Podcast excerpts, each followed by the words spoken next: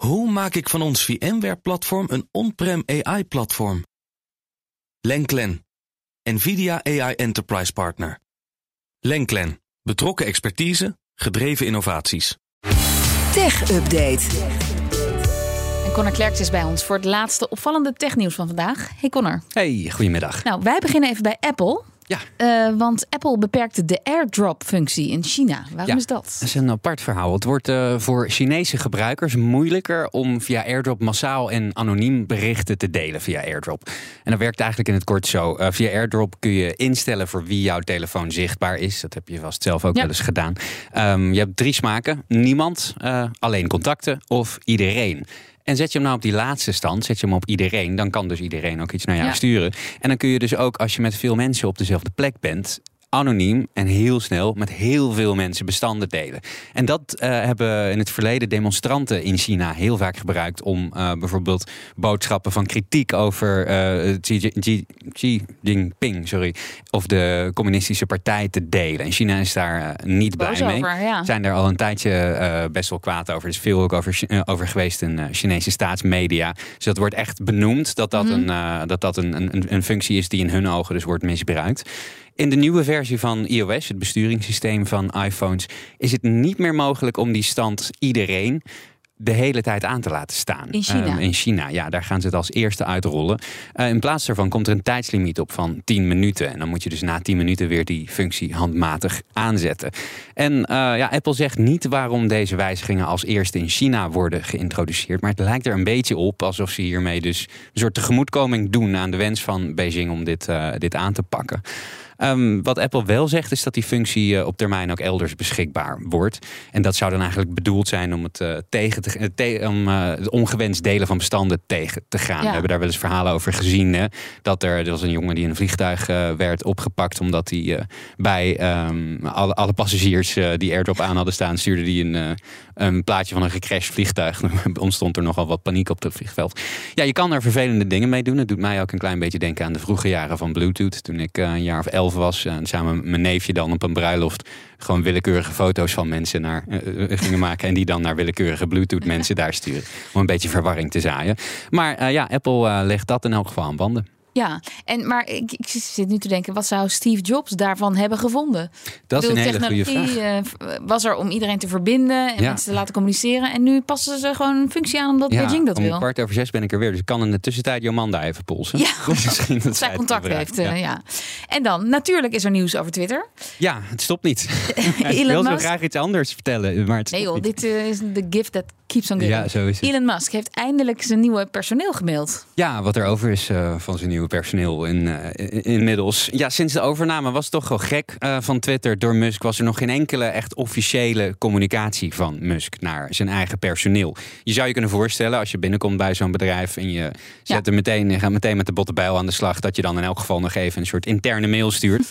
Dag allemaal, mijn naam is Elon uh, en uh, we gaan hier het een en ander uh, veranderen. veranderen. Dat, hij was te druk met andere dingen, namelijk dingen veranderen. Um, maar nu is er dan toch een mail uitgestuurd en Bloomberg heeft die in kan je vertellen dat die inhoud niet echt vrolijk is. Er komen moeilijke tijden aan, schrijft Musk voor het personeel. Door de zwakkere economie aan de ene kant, zegt hij. Maar er moet ook gewoon veel harder gewerkt worden, vindt hij. Hij verwacht van zijn personeel dat ze minimaal 40 uur per week op kantoor zijn. Dus thuiswerken is er niet meer bij. Terwijl dat gebeurde wel. Thuiswerken was bij Twitter. Twitter was echt een soort werknemersparadijs. Uh, je kon daar uh, zoveel thuiswerken uh, als je wilde. Alle benefits waren ook heel goed bij Twitter. Ja, daar komt dus nu een einde aan. het enige wat. Lekker 2022. Wat Musk, ja, precies. Het enige wat Musk wel daarover zegt is dat als jij exceptioneel goed bent in je werk, dan zal hij het overwegen. Maar per geval wordt daar een beslissing over gemaakt. En de absolute topprioriteit voor het personeel van Twitter is volgens Musk de komende dagen het tegengaan van bots, trollen en spamaccounts met een vinkje. Dat vinkje dat ze alleen kunnen krijgen omdat hij het te koop heeft gezet voor 8 dollar per maand.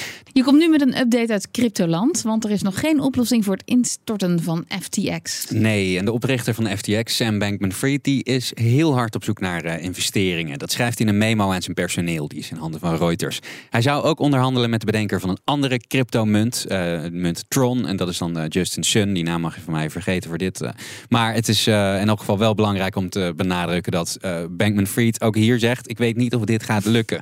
Ja, gisteren klapte de voorgena- voorgenomen overname door de grote concurrent Binance. Na één dag al. Ja. Uh, ja, één keer in de boeken kijken van FTX. En toen uh, besloot ze bij Binance: dit gaan we mooi niet doen. En de token van FTX, FTT, die is uh, deze week al zo'n 90% van zijn waarde kwijt. En dat is onhandig, omdat Sam Bankman-Fried bij FTX, maar ook bij zijn andere bedrijven, voor miljarden in FTT op de balans had staan. Dus nu een heel groot gat in zijn begroting. Ai. En daardoor is er nog steeds een reëel risico dat uh, klanten uh, hun geld niet terugkrijgen of maar een deel van hun geld terugkrijgen. Op de site van FTX is daarom ook te lezen dat ze nu geen nieuwe klanten toelaten, maar Oh. ook geen opnames toelaten. Dus dat is wel foute boel. Oh, ook geen geld kun je er meer Nee, momenteel niet. Dus je, Eh, bent, dus je bent je geld kwijt als daar nog wat staat. Uh, Ja, voor tijdelijk in elk geval wel. Uh, ondertussen zegt Sam Bankman-Fried uitgebreid sorry op Twitter. Uh, maar ja, daar heb je als klant natuurlijk niet zo heel veel aan. En zijn andere handelshuis, uh, Alameda Research, uh, is zojuist ook gesloten. Uh, SBF verdiende, uh, Sam Bankman-Fried, die verdiende daar een miljarden aan. Mm. Maar nu FTX failliet dreigt te gaan, probeert hij zoveel mogelijk financiële miljarden, uh, middelen op te halen. Om toch nog Nou ja. FTX uh, te kunnen redden.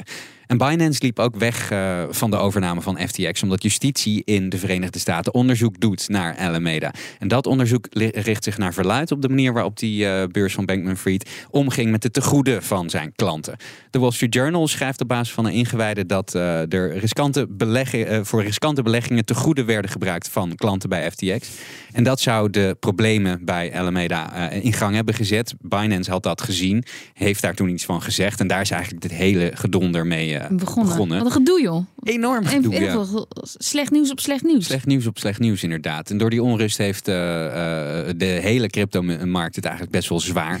Ze kijken, uh, het krabbelt nu inmiddels een klein beetje op. Vraag me niet precies waarom, want dat is altijd een beetje lastig te zeggen. Maar als we kijken met een week geleden bijvoorbeeld, is Bitcoin 12,5% kwijt, Ethereum 14,8% kwijt. Dat is allemaal gewoon niet best. Dankjewel, Connor Klerks. De BNR Tech Update wordt mede mogelijk gemaakt door Lenklen. Lenklen. Betrokken expertise, gedreven resultaat. Hoe maak ik van ons VMware-platform een on-prem AI-platform? Lenklen. NVIDIA AI Enterprise Partner. Lenklen. Betrokken expertise, gedreven innovaties.